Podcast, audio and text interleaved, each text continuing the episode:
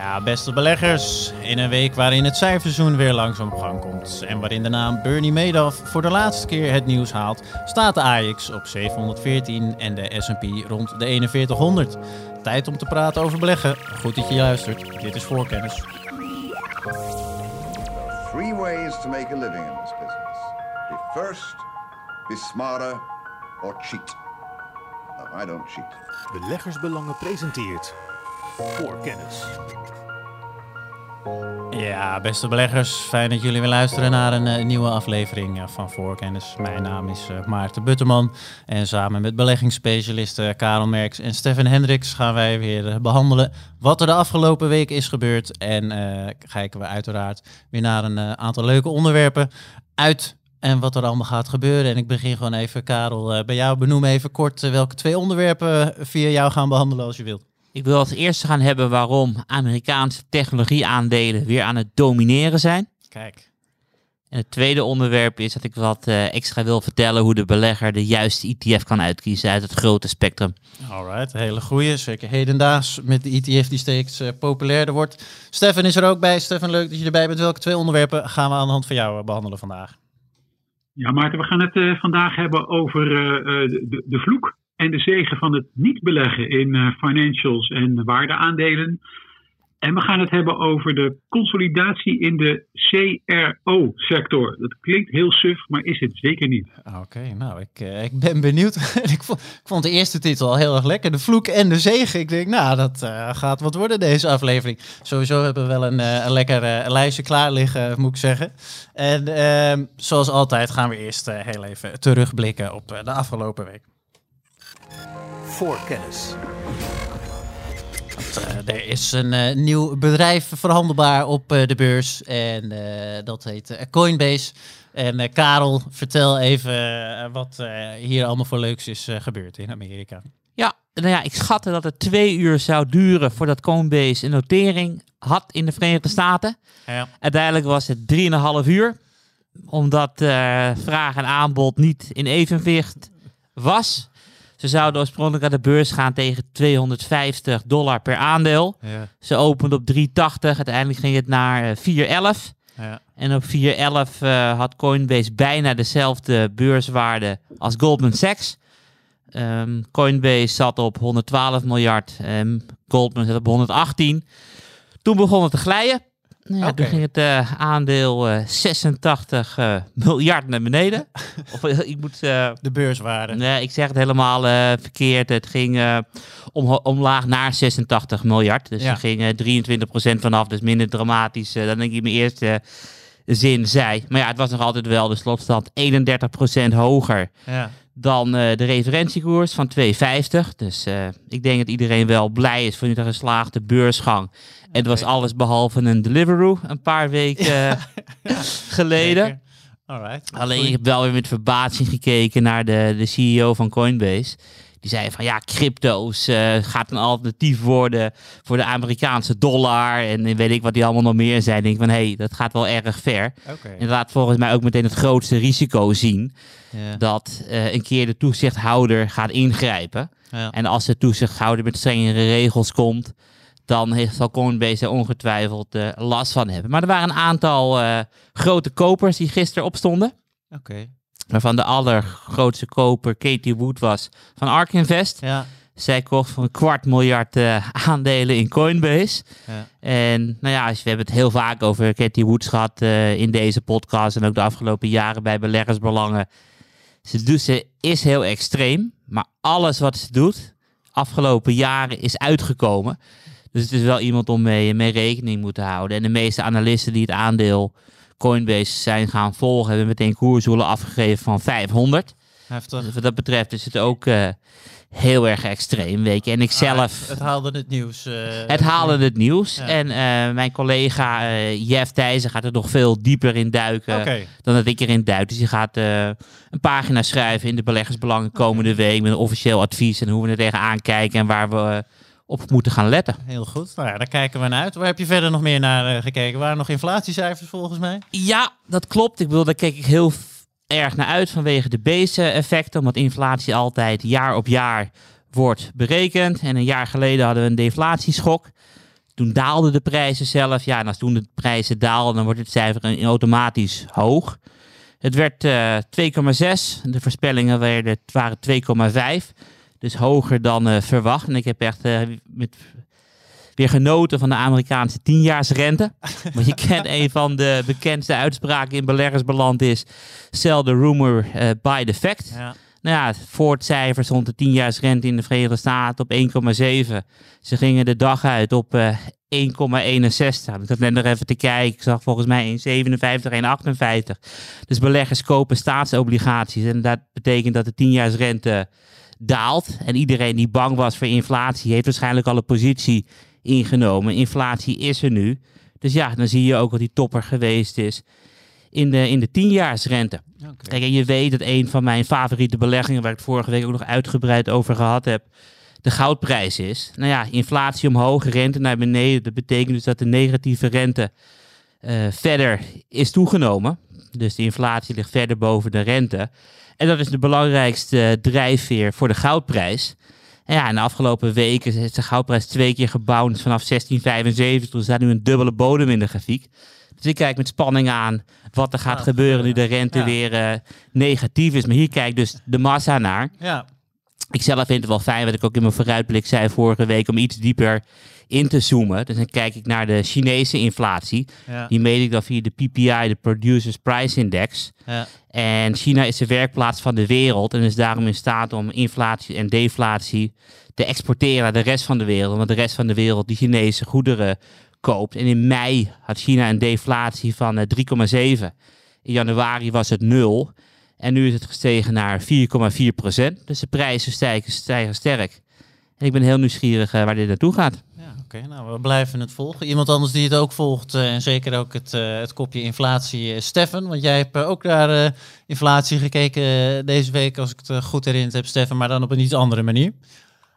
Ja, zeker. Dus eh, wat Kaas zegt klopt natuurlijk. Hè. Dus inflatie was 2,6 procent jaar op jaar. Eh 1,6 procent als je de eh, volatiele voedings- en energieprijzen eruit haalt. Dan heb je de kerninflatie.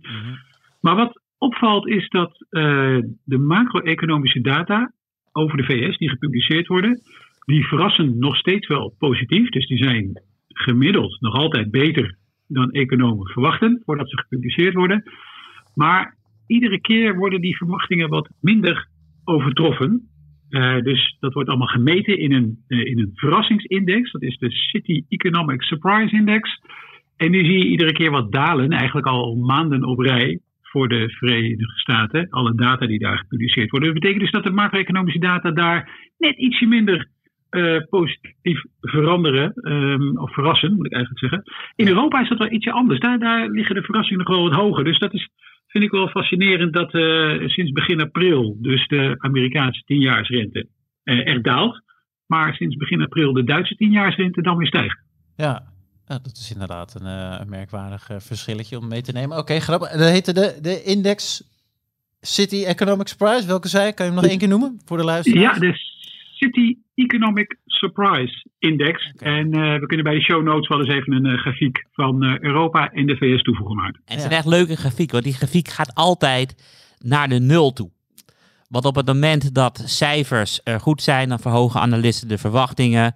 En halen die verwachtingen uiteindelijk de cijfers weer in. Ja. En dan is het weer gelijk. Dus die grafiek gaat elke keer weer terug naar nul. En op het moment dat die grafiek dus steeds verder weggaat van nul, betekent het dus dat er zaken gaande zijn die analisten niet gezien hebben. Je hebt het, zoals Stefan zegt, voor Europa en je hebt hem voor de Verenigde Staten, maar je hebt hem ook voor India en China en je hebt hem wereldwijd. En niet alleen op economische groei, maar ook op basis van inflatie. Dus Ja. iedereen verwacht inflatie. En het interessante aan die index is dus van, wat is het verschil tussen inflatie, wat verwacht wordt, en wat is gerealiseerd. Ja. En die loopt dus nu ook langzaam weg vanaf eh, de nul. Dus het is heel interessant En heeft, om te de- volgen. heeft deze dan ook deze index een, een voorspellend vermogen in die zin dat die eh, gecorreleerd staat aan eh, minder hoge economische groei die dan eh, een jaar later of iets dergelijks volgt? Kijk heel even naar Stefan eh, voor deze vraag. Of eh, is dat niet zo 1, 2, 3 te koppelen?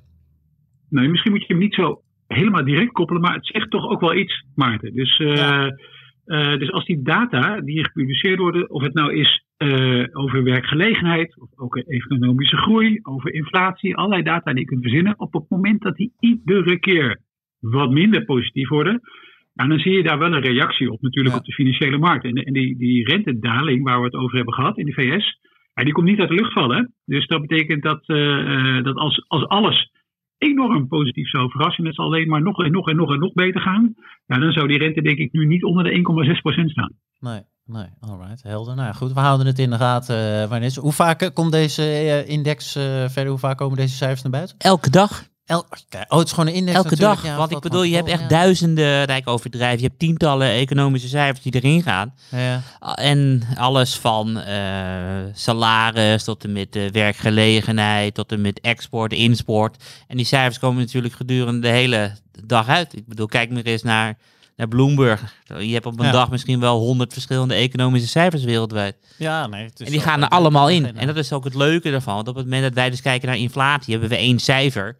En die index waar Stefan aan refereert, er gaan echt tientallen verschillende cijfers in. Waardoor je het gewoon een, een verzameling hebt. En daardoor een betere uitspraak kan doen tussen wat gebeurt er in verhouding tot wat wij dachten dat zou gaan gebeuren. Ja, alright, leuk. Nou ja, we houden het eh, in de gaten. We hebben nog één stukje waar we naar terugkijken. Ik eh, moest eraan denken, omdat Karel zei, eh, in verwachting met wat er gaat gebeuren. Er was nog één eh, Bernie Madoff eh, voor het laatst eh, in het eh, nieuws eh, deze week. ik hoor een gniffeltje van Stefan aan de andere kant eh, van de, de microfoon. En die moesten we toch ook nog heel even benoemen. Ik weet nog wel dat ik werkte eh, bij een vermogensbeheerder zo'n jaar of eh, tien, elf geleden. Ik weet niet precies waar het was toen Bernie Madoff het nieuws haalde. En toen eh, bleek, Fo- Fortis was het volgens mij inderdaad voor een miljard de boot in te zijn gegaan. En eh, dat daalde toen op het nieuws dat Bernie Madoff schitterende dingen had eh, gedaan. Hoe hebben jullie daar destijds eh, naar gekeken? Heb jij er nog herinneringen aan, Stefan? Ja, nogal. Ehm, maar het eigenlijk op, op, op meerdere niveaus is sowieso al opvallend. Hij is natuurlijk in de gevangenis eh, overleden. Grootste, denk ik, eh, beleggingsfraude ooit. Volgens mij bedroeg de uiteindelijke schade zo'n 17 miljard. Treurig verhaal ook natuurlijk. Kinderen overleden van eh, wie Ja. één door zelfmoord. Dus ook een treurig familieverhaal. En, en nou, er stond een, een, een mooi in memoriam artikel in het Financiële Dagblad over Madoff. En daarin werd een ene Harry eh, Markopoulos genoemd, als ik zijn naam goed uitspreek, als de analist die eigenlijk het, eh, de, de fraude van Madoff aan het licht heeft gebracht. Eh, maar er was eigenlijk iemand al, die dat al veel eerder had gedaan, namelijk al in 1991. En bedenk wel, eh, Bernie Madoff bekende zijn fraude eind 2008. Maar er was dus iemand al in 1991, eh, een briljante wiskundige en belegger, Ed Thorpe, ook wel de, een beetje de, de, de vader van het kwantitatief beleggen genoemd. En die meneer Thorpe die, ehm, was op uitnodiging van een, een klant waar hij consultant was, eigenlijk een aantal hedgefund-strategieën aan het analyseren waar die klant in belegde. En meneer Thorpe vond alle hedgefund-strategieën prima, behalve die van Madoff, al in 1991 Ja. omdat hij eh, al had gezien dat die constante reeks van eh, eh, niet super, maar wel positieve rendementen, maand in, maand uit, niet kon. En hij is in alle optietransacties gedoken van Madoff, heeft zijn klant gewaarschuwd, heeft het nog met andere mensen over gehad. Ja, Madoff is toch nog gezellig eh, zo'n 17 jaar doorgegaan en eh, toen liep de schade enorm, enorm op. Ehm, dus bij Madoff moest ik ook onmiddellijk weer denken aan Ed Thorpe. En dat geeft mij, Maarten, in deze podcast dan ook nog even de gelegenheid om beleggers te wijzen op het boek dat Ed Thorpe heeft geschreven, zijn autobiografie, waarin hij ook eh, spreekt over hoe hij het eh eh, Madoff beleggingsstrategie heeft ontmaskerd. En dat boek heette A Man for All Markets. Een absolute aanrader voor iedereen die van eh, beleg houdt en die geïnteresseerd is in, in misschien wel een, eh, een, een iets wat excentriek- excentrieke, maar toch wel tamelijk briljante man in deze Ed Thorpe. Oh ja, leuk joh. Ja, ik, eh, ik ben benieuwd. Ik ken het zelf niet. Ga het hiervan lezen? Misschien Ga het lezen, Maarten. eh, Je weet dat ja, ik altijd zeg, van als ik een, een belangrijke gebeurtenis meemaak, dan weet ik altijd nog precies waar ik ben. Ja, ja. En ik weet dat ik uitstapte bij metrostation Amstelveense weg. Ik liep naar het Olympisch Stadion en ik was toen aan het luisteren hoe hij ehm, het eh roulette-spel in het Amerikaanse casino's heeft weten te verslaan. En hoe die gewoon structureel met Thorpe heeft dat. Ja, Ja, oké. En ja. het verhaal is zo fantastisch. Oké. Ik bedoel, lees dat boek. Oké, we gaan nog één keer de titel. A Man for All Market. Alright, heel goed. Nou, we zetten wel even een link in de show notes uh, naar bol.com of Amazon. Klopt, we zetten meteen ook even een link bij naar... Uh, Stefan en ik hebben vaker ook in de beleggersbelangen een twee pagina overzicht van beste boeken die de belegger moet lezen uh, geschreven.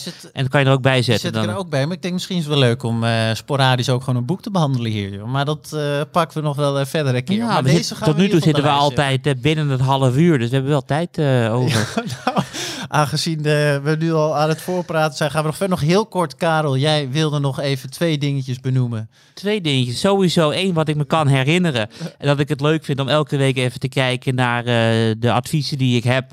En dan de grootste procentuele veranderaren te bespreken. En deze ja. week is dat uh, gelukkig positief. Uh, Tech Resources, afgelopen week 9,6% erbij. Het is een mijnbouwbedrijf dat zich richt op, uh, steeds meer richt op koperproducties. Mm -hmm. En koper ging omhoog en het bedrijf draait fantastisch. En het is altijd leuk om te zien dat Tech Resources een goede week heeft gehad. Alright. En daarnaast hadden we ook de Turkse Centrale Bank, wat gelukkig ook weer uh, goed is afgelopen naar uh, mijn positieve advies over Turkse aandelen een paar weken geleden. Ja. En uh, de eerste presentatie ging oké, de lira zakte wel wat, maar de lira is nu weer aan het stijgen. Dus het is ook allemaal goed gegaan. En wat is het tweede onderwerpje? Nou, nee, het tweede, jij gaf aan nog even wat we wilden behandelen. En verder kijk nog even naar Stefan of hij nog even KPN of Proces wilde benoemen, waar hij vorige week naar uit keek de ja of de nee of daar nog wat gebeurd is of dat we eigenlijk meteen verder kunnen? Nou, we kunnen vrij kort zijn, Maarten. Er is weinig gebeurd. Laten we maar verder gaan. Heel goed. Voorkennis. Alright, en dan is het uh, tijd voor het eerste onderwerp. En uh, dat werd uh, bestempeld als saai door uh, onze Stefan Hendricks. Maar toen met wel de aanvulling, of klinkt als saai, en uh, met de aanvulling dat het zeker niet saai is. Ik ben heel benieuwd. Het gaat om de Sector Contract Research Organization. Als ik het ja. goed zeg. En uh, Stefan, ik geef jou het woord. Waarom moeten de beleggers hier naar kijken? Ja, dit is een, een sector, denk ik, die niet echt heel erg bekend is onder Nederlandse beleggers. Het is CRO, hè, dus inderdaad wat je zegt, Contract Research Organization. Uh, dat zijn bedrijven die farmaceuten en biotechconcerns helpen bij het opzetten en uitvoeren van uh, klinische testen voor de ontwikkeling van nieuwe medicijnen. Uh, moet je bijvoorbeeld denken aan het zoeken van deelnemers hè, aan, aan teststudies en hoe je uiteindelijk zo'n teststudie opzet, wat voor einddoelen je formuleert, de contacten met regelgevers, et cetera. Nou, een relatief onbekende sector, maar een hele interessante sector, winstgevend ontzettend fantastische aandelen zitten erin. Um, en het is een sector waar een aardige consolidatieslag aan het woeden is. En vandaag werd bekend dat um, Thermo Fisher Scientific, zoals jullie weten, een van mijn uh, favoriete aandelen, uh, branchegenoot PPD heeft overgenomen voor zo'n uh, 17,4 miljard, uh, inclusief 3,5 miljard dollar schuld. En PPD werd begin februari nog door collega Menno getipt in een uh, artikel over uh, kansrijke IPO's. Nou, deze was nogal kansrijk, uh, want er zat een fikse overnamepremie op. Dus ik denk dat Menno hem tipte op ergens in de 30 en hij staat nu halverwege de 40. Dus dat ziet er goed uit.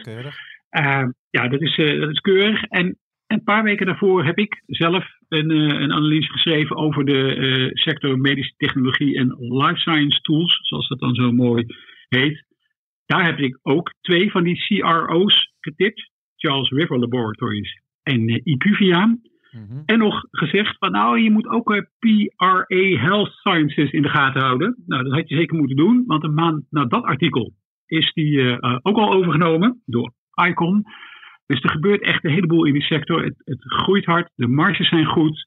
En ik kan me herinneren dat ik zo derde week van januari, toen ik die analyse schreef, zei bij Charles River Laboratories en die ja, prachtige bedrijven misschien niet ideale instapmoment. Uh, koers staat al hoog, waardering is hoog. Maar ja, ze zijn gewoon aan één stuk door verder gestegen. Het zijn ook, ja, ik vind het een, prachtige sector. We hebben er ook niet zo heel veel van uh, in Europa. En die aandelen die stijgen ook maar door. En ook vandaag zie je die hele sector weer omhoog komen op dat uh, bod van Thermo Fisher. Dus ook Charles River Laboratories in de plus. ook IQVIA in de plus. Het is echt een ontzettend uh, boeiende sector, mooie cashflows, duur. Maar ja, Eh, je ziet het, hè? Eh, sommige dure sectoren ja, die groeien gewoon verder. Daar heb je gewoon topaandelen in. Ja, wat, het, ja, het is inderdaad, we komen er later nog op terug over dure aandelen en hoe daar mee om te gaan. Maar wat, wat is het nu, hoe kijken we nu naar? Want je zei destijds al van, god ja, zeer interessant, volg het goed. sommige interessant om te kopen, sommige te duur. Hoe kijken we er nu naar? want het is nu nog duurder.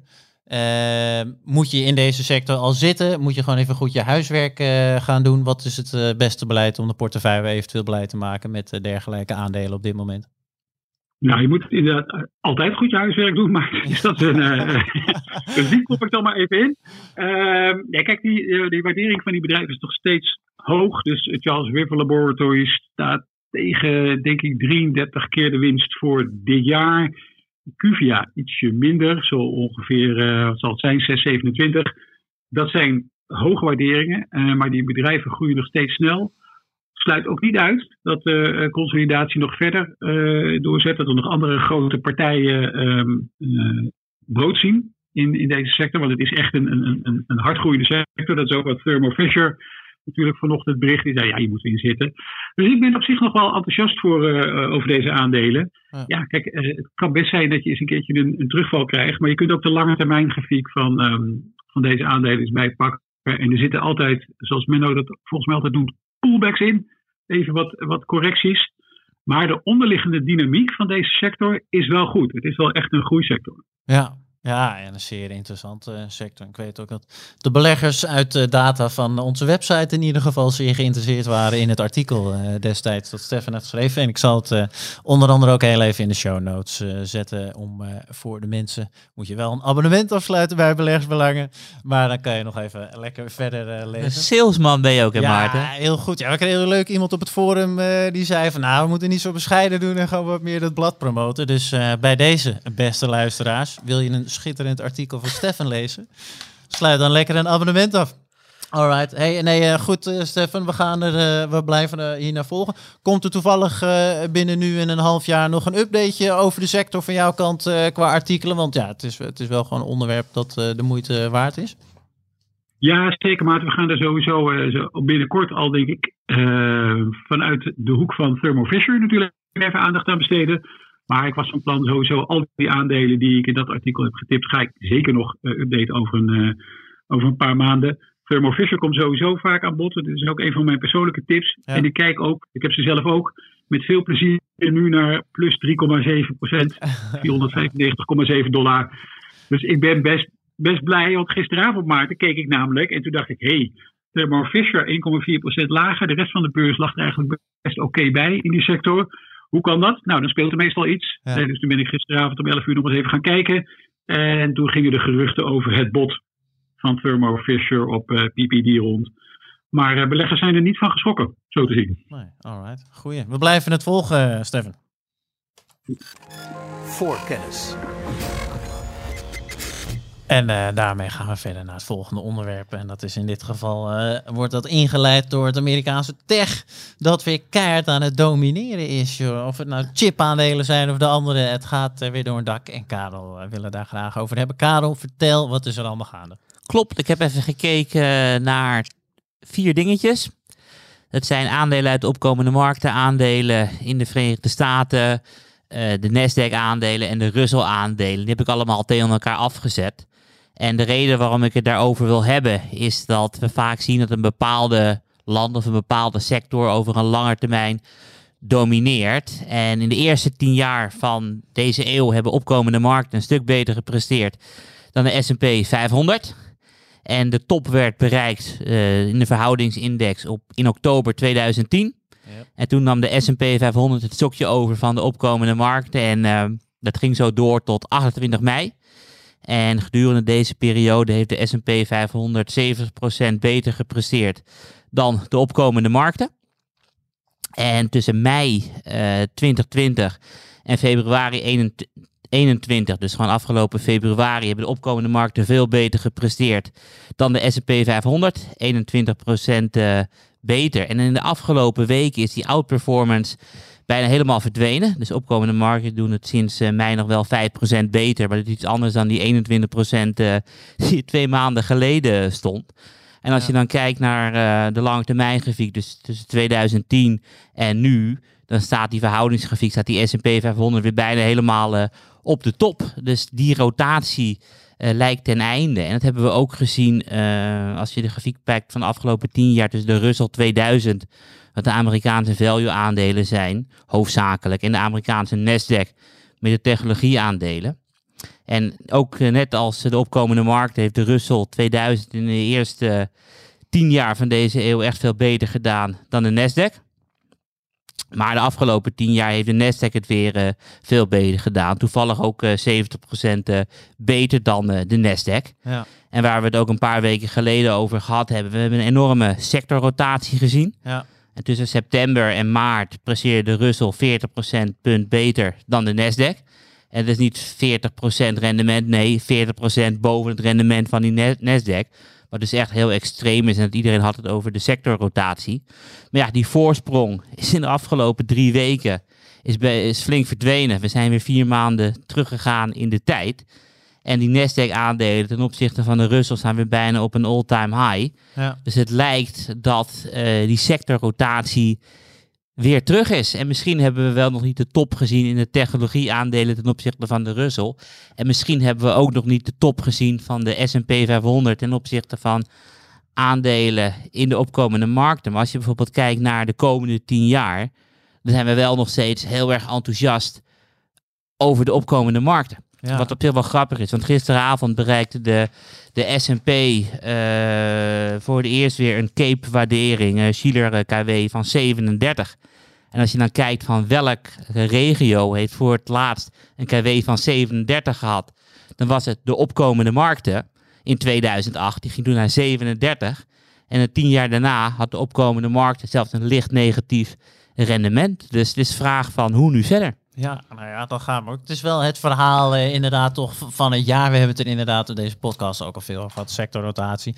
Draaien eh, weg van groei, weg van tegen meer naar waarde. En nu de laatste paar weken eh, gaat de boel weer eh, de andere kant op. En Stefan, dat eh, nou, heeft ook wel weer toch weer een link te maken met die rente. Het is vrij rentegedreven, eh, gaf jij eerder eh, al aan. Ook nu weer, eh, speelt het ook nu weer een rol? Ja, ik denk dat als, de, eh, als we een beweging hadden gezien dat de rente nog verder en verder opgelopen zou zijn, inflatie verder en verder opgelopen, dat de sectorrotatie, de, de sectorherrotatie bijna, zou zeggen, eh, zoals Kaal die net heeft beschreven, eh, misschien wel niet zo was doorgezet. Nee, want dat, dat is eh, toch ook het ding, die koppeling, die zit daar eh, constant achter mee. Tussen de rente en eh, de aandelen daar. Ik ben wel benieuwd, want Karel, jij noemt eh, zojuist dan het feit dat eh, de verwachting voor de opkomende markten nog steeds positiever is.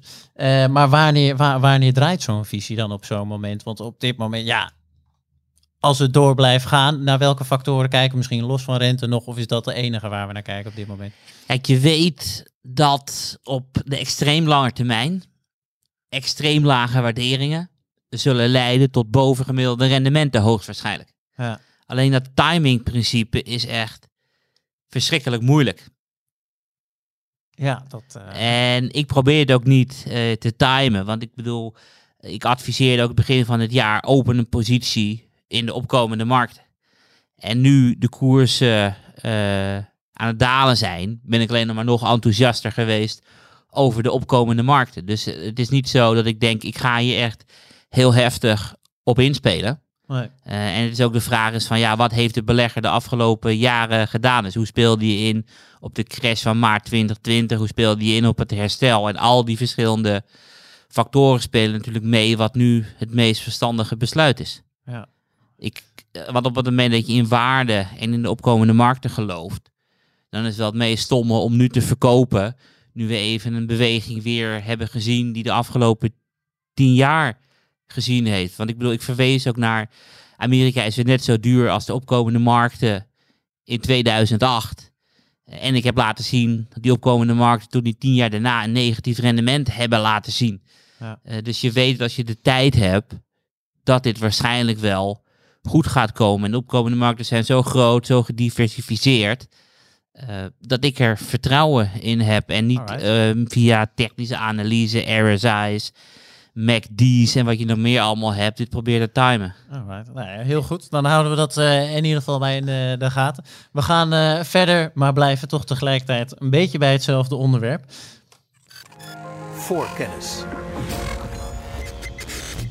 En uh, dat doen we in dit geval aan de hand uh, van Comgest. Uh, en Stefan benoemde het al heel even, de vloek en de zegen van het wel of niet beleggen in financials en waardeaandelen.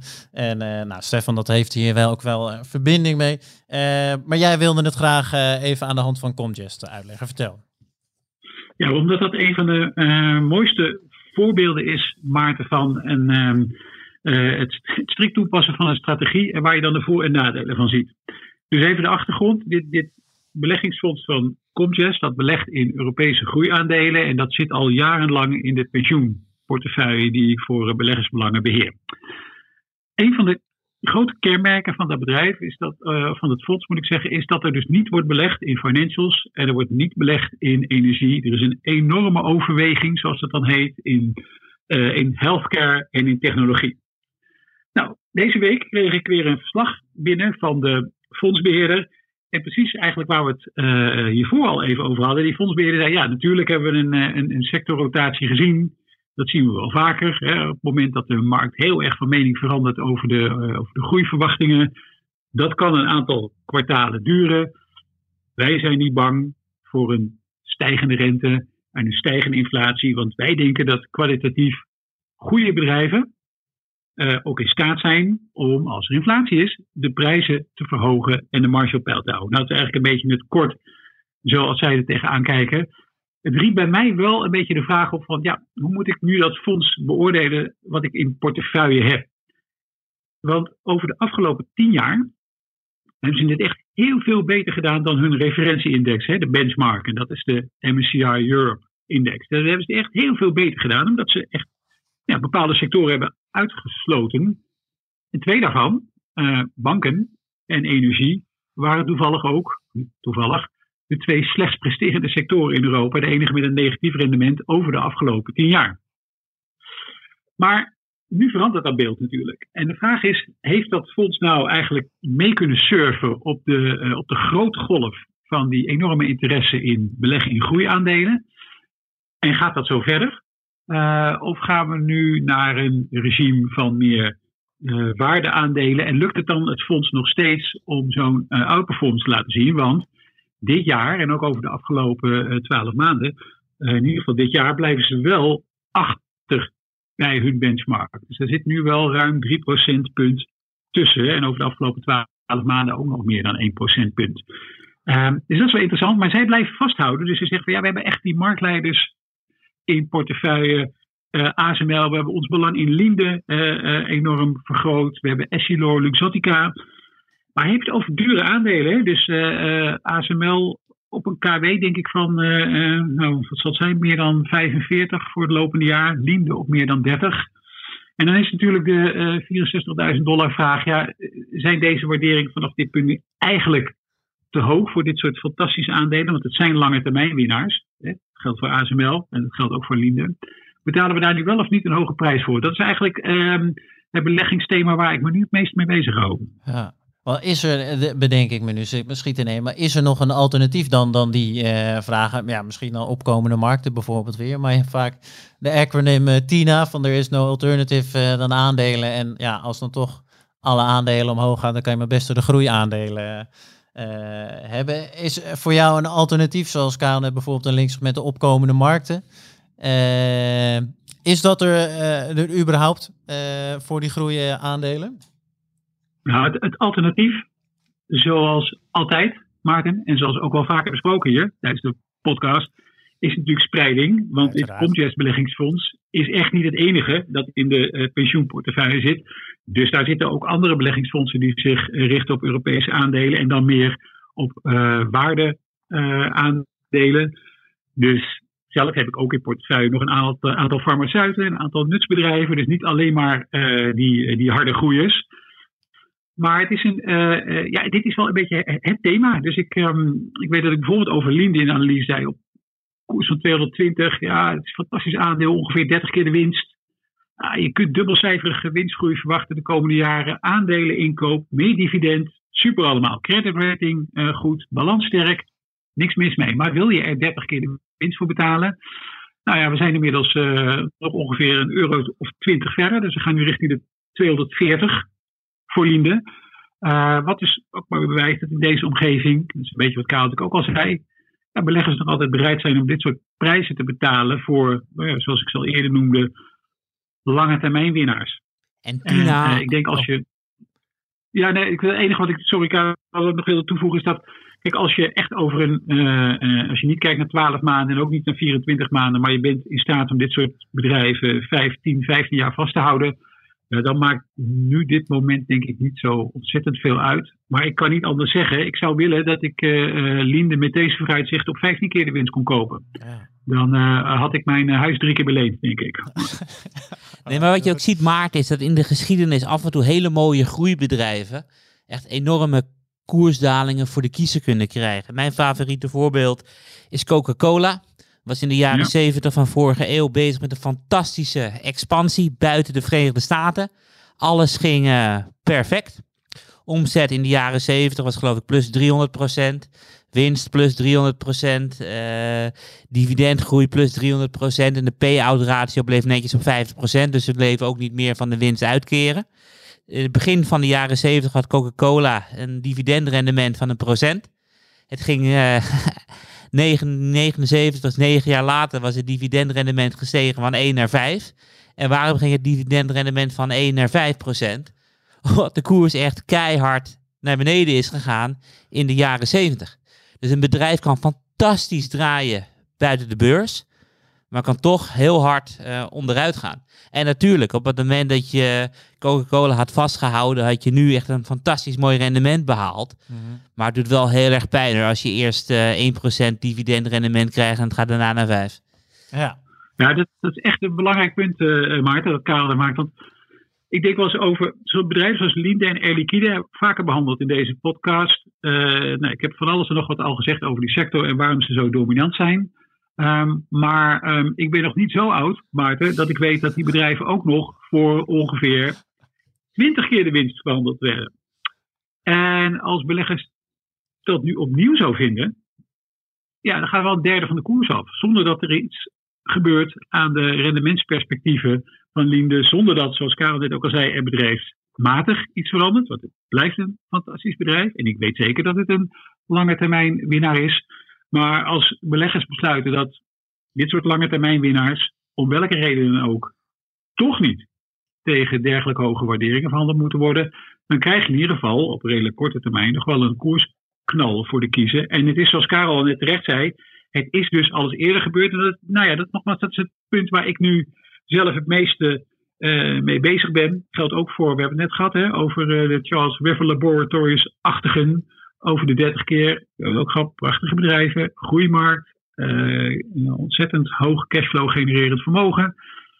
Maar ja, het, het is, het is een, uh, een, een, hoge waardering. En op de een of andere manier, doordat die rente nu al zo lang zo laag is, begin je er ook een beetje in te groeien, bijna een beetje aan te wennen. Uh, dat je denkt, nou ja, 30 keer de winst voor Linde.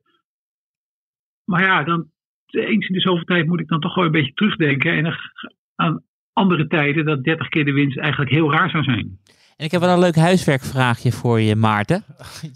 Oh, ja, ik wil je vertellen net tegen Stefan dat het belangrijk is dat jij je huiswerk maakt. Dus ga eens kijken van uh, hoeveel procent de koers van het aandeel Apple moet dalen om dezelfde waardering te krijgen als in 2016. En 2016 was het jaar dat Apple fantastische producten maakte, fantastische fans had en een fantastische business had. Dus ja. hoeveel procent moet Apple dalen? Okay, Volgende week mag je het antwoord vertellen. Ja, nee, maar dat is je huiswerk. Dat, dat, is niet leuk voor de luisteraars, want die, zitten dat, die moeten een week lang wachten. Die zijn nu benieuwd op dit antwoord natuurlijk. Maar laten we, Apple is nou volgens mij sinds 2016 nog een keer vier keer over de kop gegaan of zo. Van 100 naar 500. Nee, ik heb, ik heb al een uh, paar weken niet meer gekeken, maar volgens mij laatste keer te keek had het een KW van 38, 35, 38. Ja. En in 2016 was het 16. Okay. Dus op het moment dat Apple nu min 50% gaat, heb je nog steeds een waardering die hoger is dan in 2016. En je kan je ook afvragen, een bedrijf wat een eh, market cap heeft van eh, meer dan 2000 keer een miljard, dus 2 biljoen. Op wat voor KW moet dat noteren? Moet het noteren op een KW van een enorm groeibedrijf? Of moet het noteren op een KW als iemand die de markt domineert en het grootste beursgenoteerde bedrijf op de wereld is?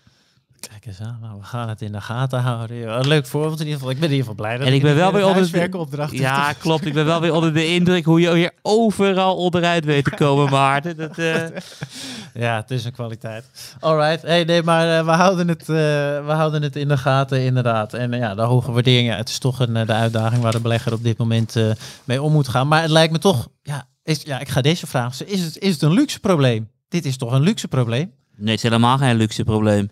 Want eh, jij bent de jongste van ons allemaal. Ja. En als je de jongste van ons allemaal bent, dan wil je lage waarderingen. Omdat je gewoon, als jij maandelijks 10% van je inkomen belegt, dan wil je dat doen tegen lage koersen. En niet tegen hoge koersen. Ja, oké. Nee, eh, klopt. Maar ik ben zo aardig om vanuit jullie perspectief en de ouderen onder ons, Stefan, mee te denken. En is het dan... eh, en dan ben ik benieuwd. Stefan, is, is dat dan een luxe probleem? Is, eh, of is ook voor jou eh, dit eh, zeker niet te bestempelen als een luxe probleem, de hoge waardering?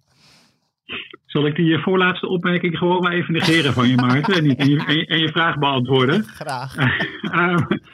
Nee, ik vind, ik vind dit niet echt een, een, een, een luxe probleem. Het is niet echt een heel fijne situatie, eerlijk gezegd. Dus de, eh, als, als waarderingen gewoon heel erg hard oplopen. Het is te begrijpen en het is ook wel te verklaren. Ja. Als je nog wat tijd van leven hebt, eh vijf, tien jaar down the road, zoals dat heet, is het misschien niet zo'n probleem.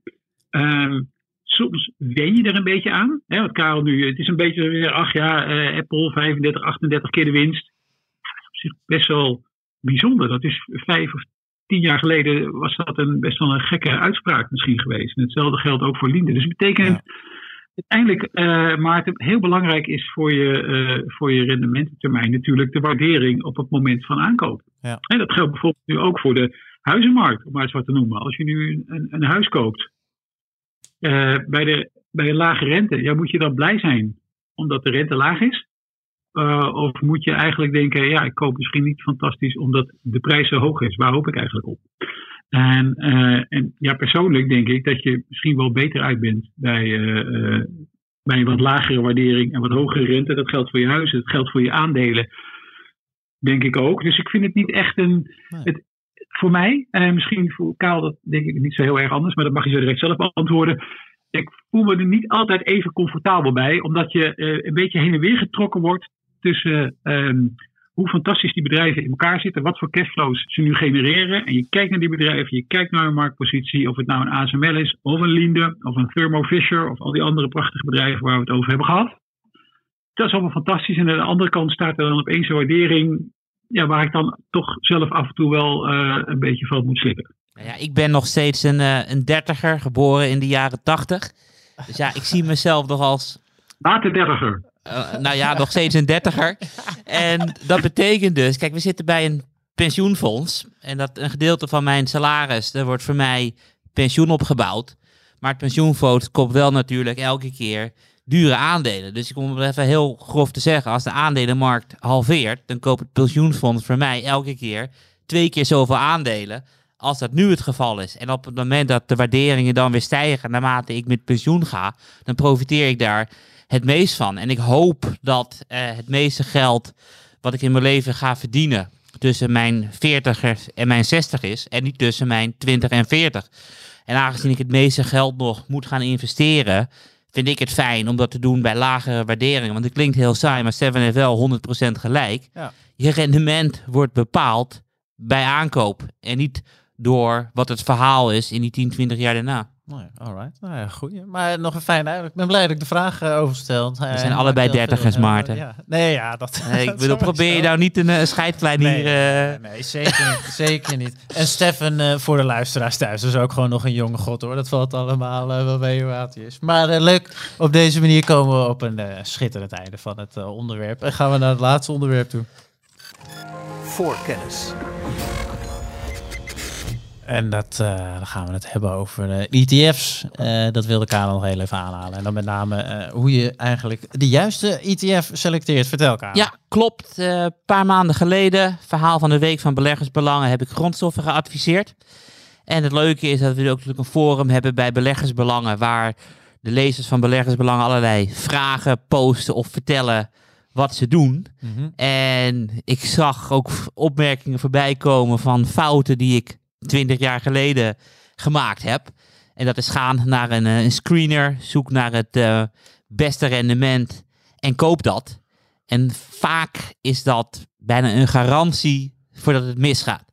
Want als je gaat kijken naar wat zijn de beste grondstoffen ETF's, nee ik moet het anders zeggen, van welk grondstof ETF heeft het afgelopen jaar het hoogste rendement behaald, dan is dat vaak niet de grondstoffen ETF die de komende jaren het beste rendement gaat behalen. En wie stond er op één? Een grondstof ETF die gehatcht is voor het euro-dollar uh, verandering. En dan heb je dus niet grondstofprijzen in euro's, maar je hebt grondstofprijzen in dollars. En wat hebben we het afgelopen jaar gezien. De dollar stond op, uh, wat hebben we gezien, 1,5 in maart. Is gegaan naar uh, 1,20. Dus de dollar is hard naar beneden gegaan. Dus de beste ETF is dus de grondstoffen ETF. Uh, genoteerd in dollars en gehertz tegen de euro. Maar ja, het probleem daarvan is dat het dus het komende jaar zou kunnen gebeuren dat de dollar aantrekt. Grondstoffenprijzen gaan omhoog. En dan gaat die dollar weer, die ETF, betreffende ETF, naar beneden. Ja. Dus ik zou gewoon heel goed kijken uh, welke ETF koop je. En die bovenaan de ranking staat, is niet altijd de beste ETF. Want soms heb je dan een hedge variant. Wat je ook uh, met de aandelen ETF's hebt, wat we ook niet adviseren. Maar je hebt ook bijvoorbeeld een, een leverage ETF. Of waarmee er andere zaken aan de rand zijn. De hedge variant, even voor mijn, uh, dat is met een hogere hefboom of iets dergelijks? Nee, hedge is dat je geen uh, valuta risico hebt. Ah, maar dan heb je dus wel een, een, een valuta schommeling in de portefeuille genomen. Want als jij in grondstoffen wil beleggen, dan wil je beleggen in grondstoffen en niet grondstoffen in een andere valuta dan de euro. Want je wil gewoon de prijsstijging hebben van graan in euro's en niet graan in dollars en dan het valutarisico gewoon vastleggen. Ja, alright. Want een hedge kost op lange termijn altijd geld. En voor abonnees van beleggersbelangen hebben we onder andere de, de ETF-opleiding. En in die ETF-opleiding leggen we ook in zeven stappen uit van hoe kies je de beste ETF uit. Want ik bedoel, het meest verschrikkelijke is natuurlijk dat je denkt van ik wil beleggen in grondstoffen. Grondstoffen uh, gaan door het dak heen. En jij krijgt een negatief rendement omdat je met leverage zit, met hedge of met andere varianten.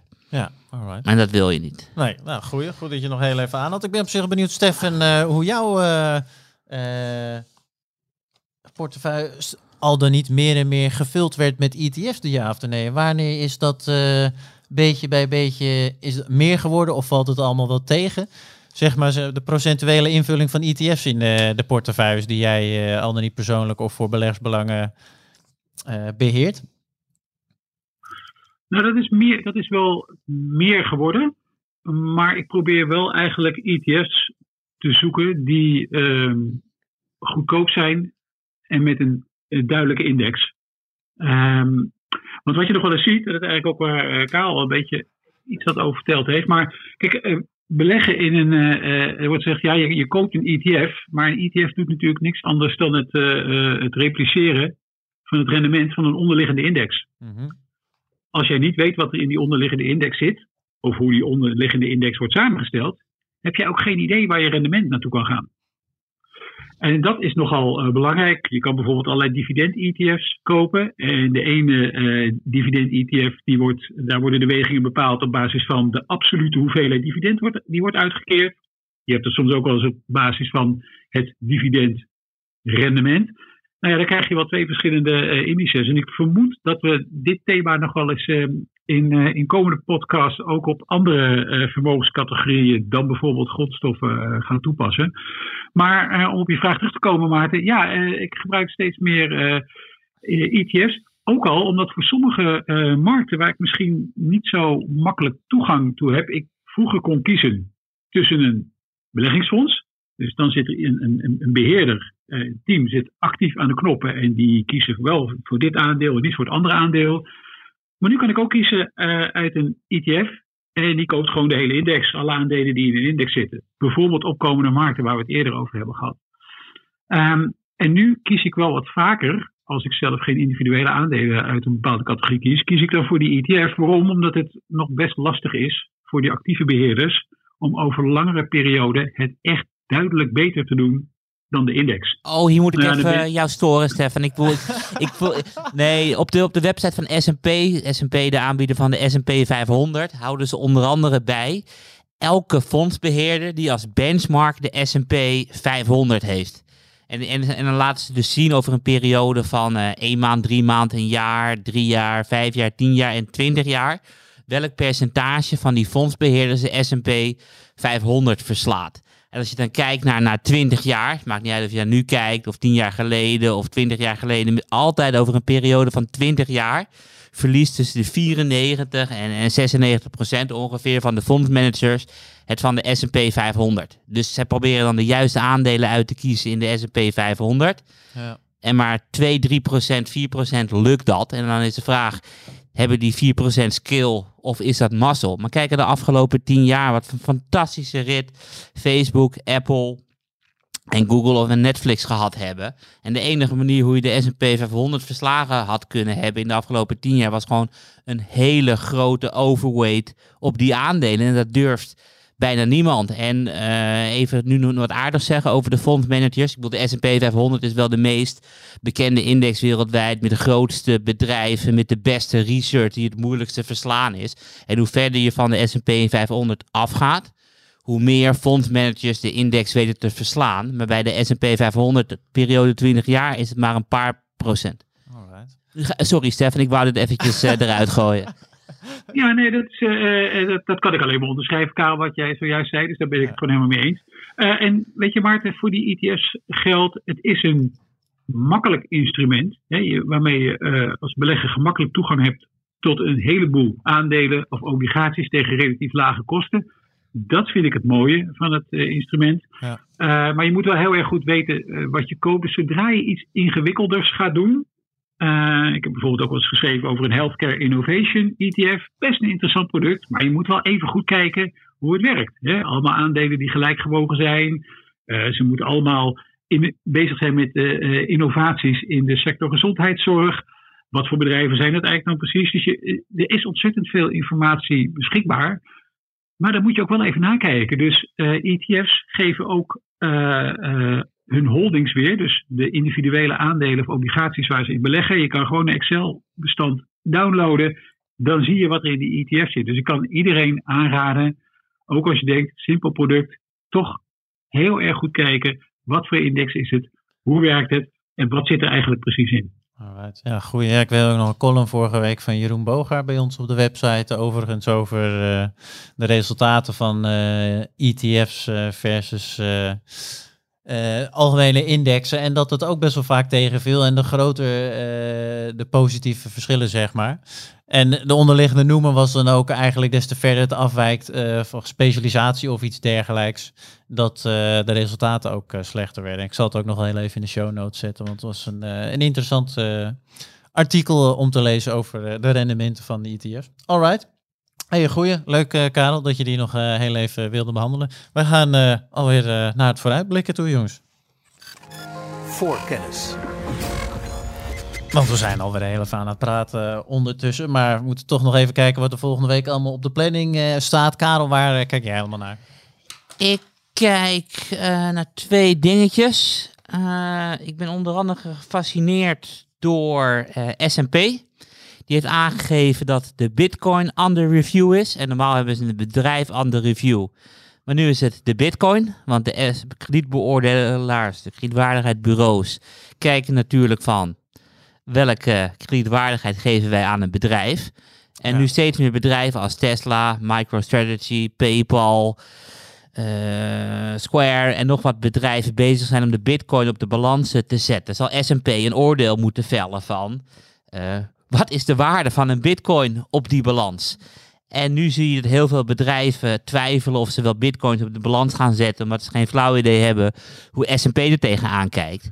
Kijk, in het meest extreme scenario, als S&P zegt van ja, bitcoin heeft dezelfde waarde op de balans als cash, ja, er zal veel meer bedrijven dat zullen uh, bitcoin op de balans nemen. Ik geloof er niet in. Er moet een soort discount komen. Maar de vraag is van ja, wat is die discount? Ja. En ik ben heel nieuwsgierig of dat meer of minder is dan wat verwacht wordt. Ik heb geen flauw idee wat er wordt verwacht. In ieder geval, het zal minder dan cash zijn. Maar de vraag is, hoeveel minder?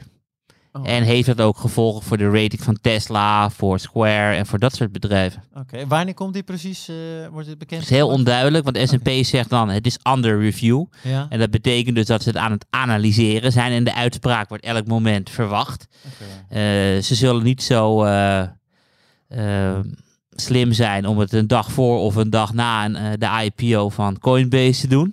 Maar het wordt wel elk moment verwacht en daar kijk ik naar. En Dat is meer uit interesse. En je- ik kijk een beetje met angst naar hoe COVID zich nu aan het ontwikkelen is in India.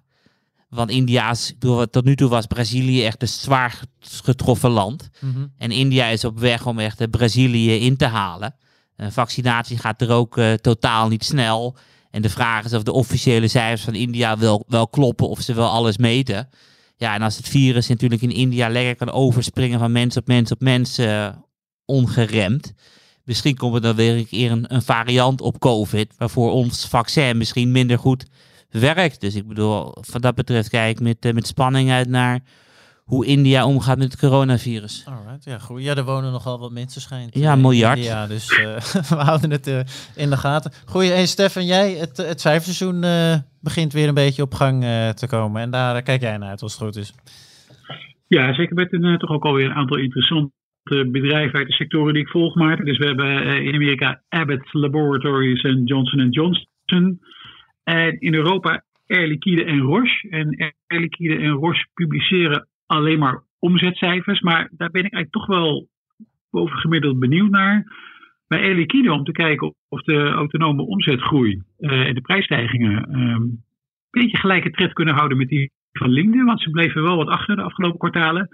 Maar bij Roche ben ik heel erg benieuwd naar eh, hoe zwaar de impact van biosimilars is op de omzet. En biosimilars, dat zijn zeg maar goedkopere kopieën van medicijnen die op biotechnologische basis in plaats van op chemische basis zijn gemaakt. En dat is voor Roche cruciaal. Eh, en het, het hakte er afgelopen jaar wel fors in, eigenlijk iets meer dan ik had verwacht. Een beetje goed gemaakt destijds door, ehm, door de testomzet, die eh, Roche ook boet, dus de coronatestomzet. Eh, maar ik ben heel erg benieuwd hoe dat in het eerste kwartaal gaat lopen. Dus daar kijk ik naar uit. Alright. En als laatste wil ik ook even wijzen op de cijfers van Netflix. Karel, Ja. ik wilde al gaan afronden. Nee, Alright, ik zat net te vertel, kijken naar... eh, maar ik heb hier zo'n lijstje met de, met de 50 fondsen Nou, die ik een volg. lijstje voor, voor, voor de luisteraars. Karel zit met een A5 veel aan. Dat heet A3. eh, Of nee, sorry, maar A3. Ik zat te kijken van, hé, hey, we hebben dinsdagavond ook Netflix. En Netflix is onze favoriet in de media- en recreatiesector. Ja, En die komt eh, dinsdagavond naar beurs. Dus daar kijk ik eh, oh, naar uit. alright. Heel goed. We gaan het eh, allemaal volgen wat eh, de cijfers volgende week eh, weer gaan brengen. En we komen er ongetwijfeld allemaal op terug. En voordat we weer een uurtje rond eh 58 trekken, minuten waard, een mooi moment om af te sluiten. Dus Stefan, dankjewel weer voor alle bijdrages. En Karel, jij uiteraard ook bedankt. En tegen de luisteraars zeggen wij tot volgende week.